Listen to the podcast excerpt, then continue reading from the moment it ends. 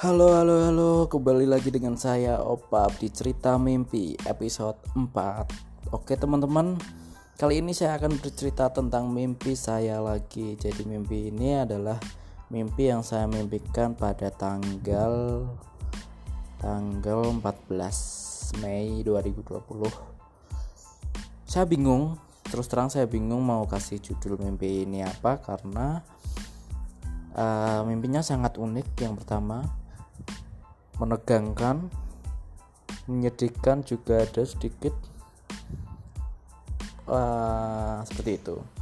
Jadi di dalam mimpi ini kalau teman-teman tahu ada unsur persahabatan unsur pertemanan uh, ponakan kembar tiga aku juga masuk di situ.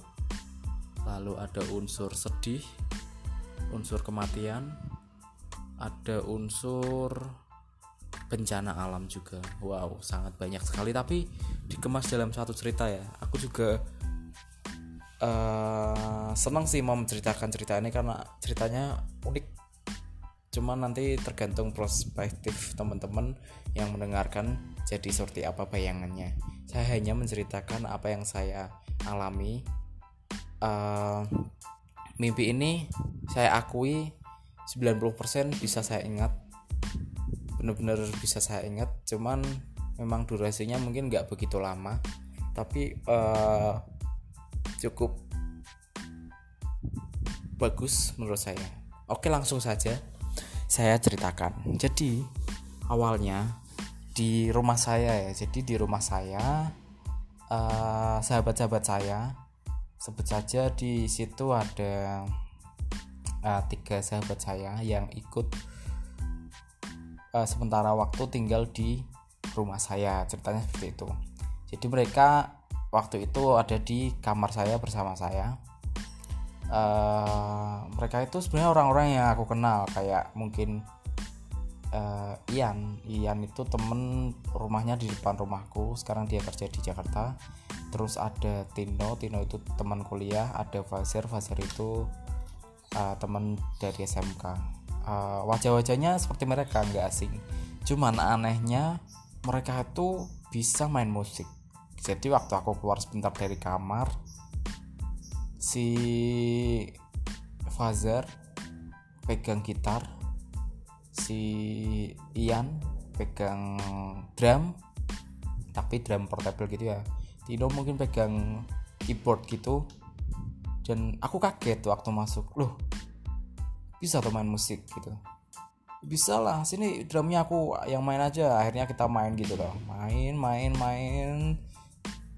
Uh, asik gitu di kamar itu.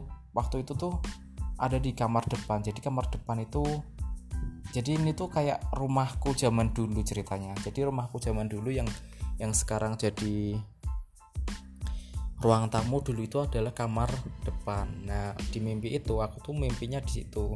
Teman-temanku pada ngumpul di kasur di kamarku di kamar depan pada main musik dan aku juga di situ.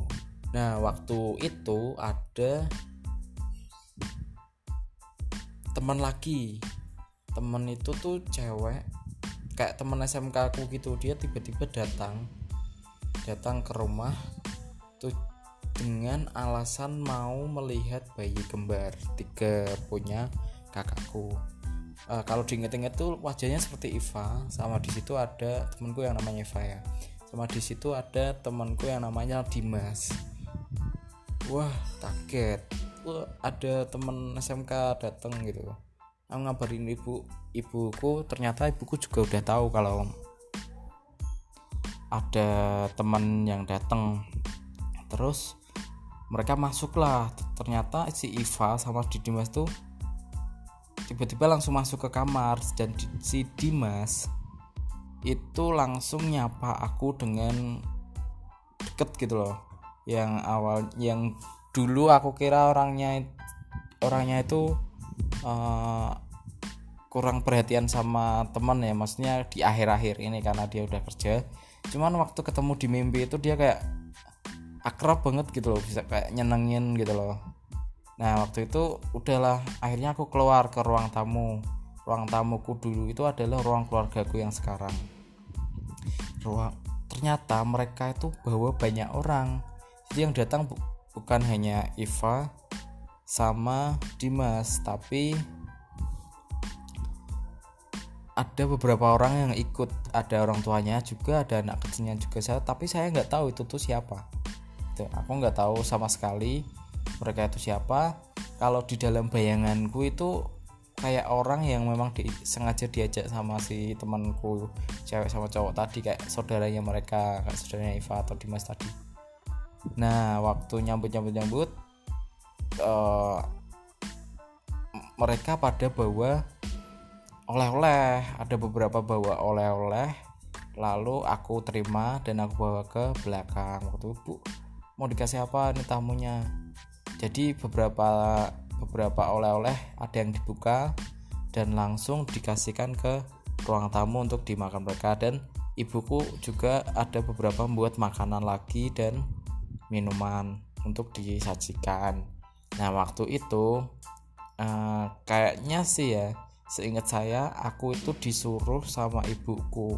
Jadi di situ ada ibuku sama budeku yang nggak ngurusin dapur nyiapin segala sesuatu karena ada tamu dan tamunya itu sebenarnya memang mau melihat bayi kembar tadi. Jadi kayak aku disuruh sama ibuku keluar dulu keluar untuk naik motor beli sesuatu. Nah yang nggak aku inget yang aku beli itu apa nggak tahu. Jadi aku keluar naik motor beli sesuatu itu di daerah kalau di daerah rumahku itu namanya Ringin Telu terus aku mau arah pulang itu lewat gang. Gang yang gang menu, arah panjangan tapi lewat Ringin Telu. Waktu pulang di situlah ada sebuah kejadian. Waktu itu posisinya memang kayak mendung-mendung gelap gitu ya. Jadi temen kayak ada mendung-mendung gelap. Di jalan arah tol yang menuju arah uh, menuju arah ke Bangarum itu diblokade sama warga dan beberapa polisi. Jadi saya tanya sama yang lewat di situ, Mas, ada apa? Kok ditutup jalannya di blokade sudah? Wah itu mas tanah longsor. Tak lihat. Wah iya tanah longsor. Berarti saya nggak bisa lewat arah naik nih ada tanah longsor dan diberitakan ada yang ketimbun tanah longsor tersebut wah menakutkan kan terus dari uh, itu kan di jalan raya ya. Jadi itu aku keluar dari gang terus ke jalan raya. Jadi lurus dari gang itu ada jalan naik tanjakan. Uh, ada orang memberitahu lewat sini bisa. Cuman di situ juga ada kayak bekas-bekas uh, tanah jatuh gitu loh. Jadi bahaya. Apalagi itu naiknya naik sekali. Itu naik ke RT 9 kalau di daerah rumahku. Aku mau naik. Ternyata waktu itu aku pakai motor Mio dan nggak kuat nggak kuat akhirnya aku putar balik. Ya enggak ah udah nggak usah lewat sini. Pulang aja lewat gang di sebelah kuburan. Akhirnya aku lewat gang ku biasanya. Sampai rumah aku sudah berniat sekali untuk menceritakan kejadian tadi. Ada sebuah bencana tanah longsor.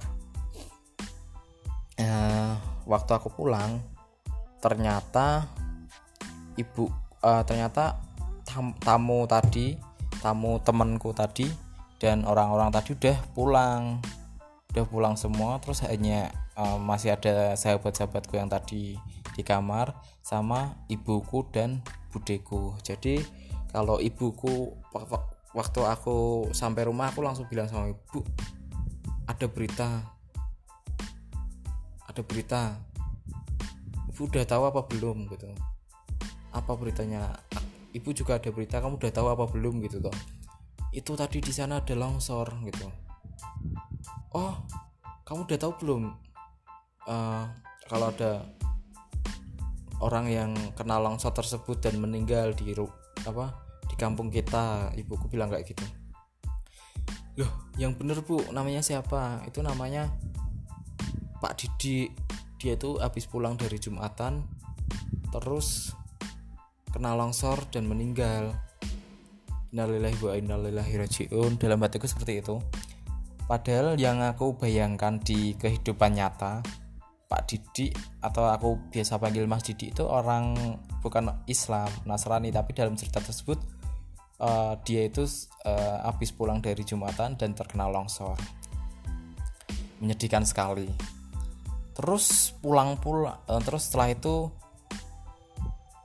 pokoknya pas suasana itu langsung kayak aku merenung sebentar gitu loh sebenarnya ada apa dengan dunia ini? Dan kondisinya itu memang agak mencekam suasananya mencekam mendung menakutkan gitulah terus akhirnya aku masuk ke dalam rumah dan ketemulah sama teman-teman eh apa sahabat-sahabatku tadi. Uh, waktu pulang eh waktu ketemu sama mereka mereka memberi kejutan. Kejutannya apa? Dan ternyata di rumahku itu ada kolam yang aku buat kayak yang di kantor. Di kejutan mereka adalah mereka memberikan kejutan berupa mereka merenovasi kolam tersebut. Jadi yang tadinya kolamnya cuman kotak dua itu tuh kolamnya bisa jadi kayak bentuknya tuh uh, kolam ini labirin gitu. Bentuknya kayak labirin. Aku bingung waktu itu pingin marah tapi kok bentuknya bagus.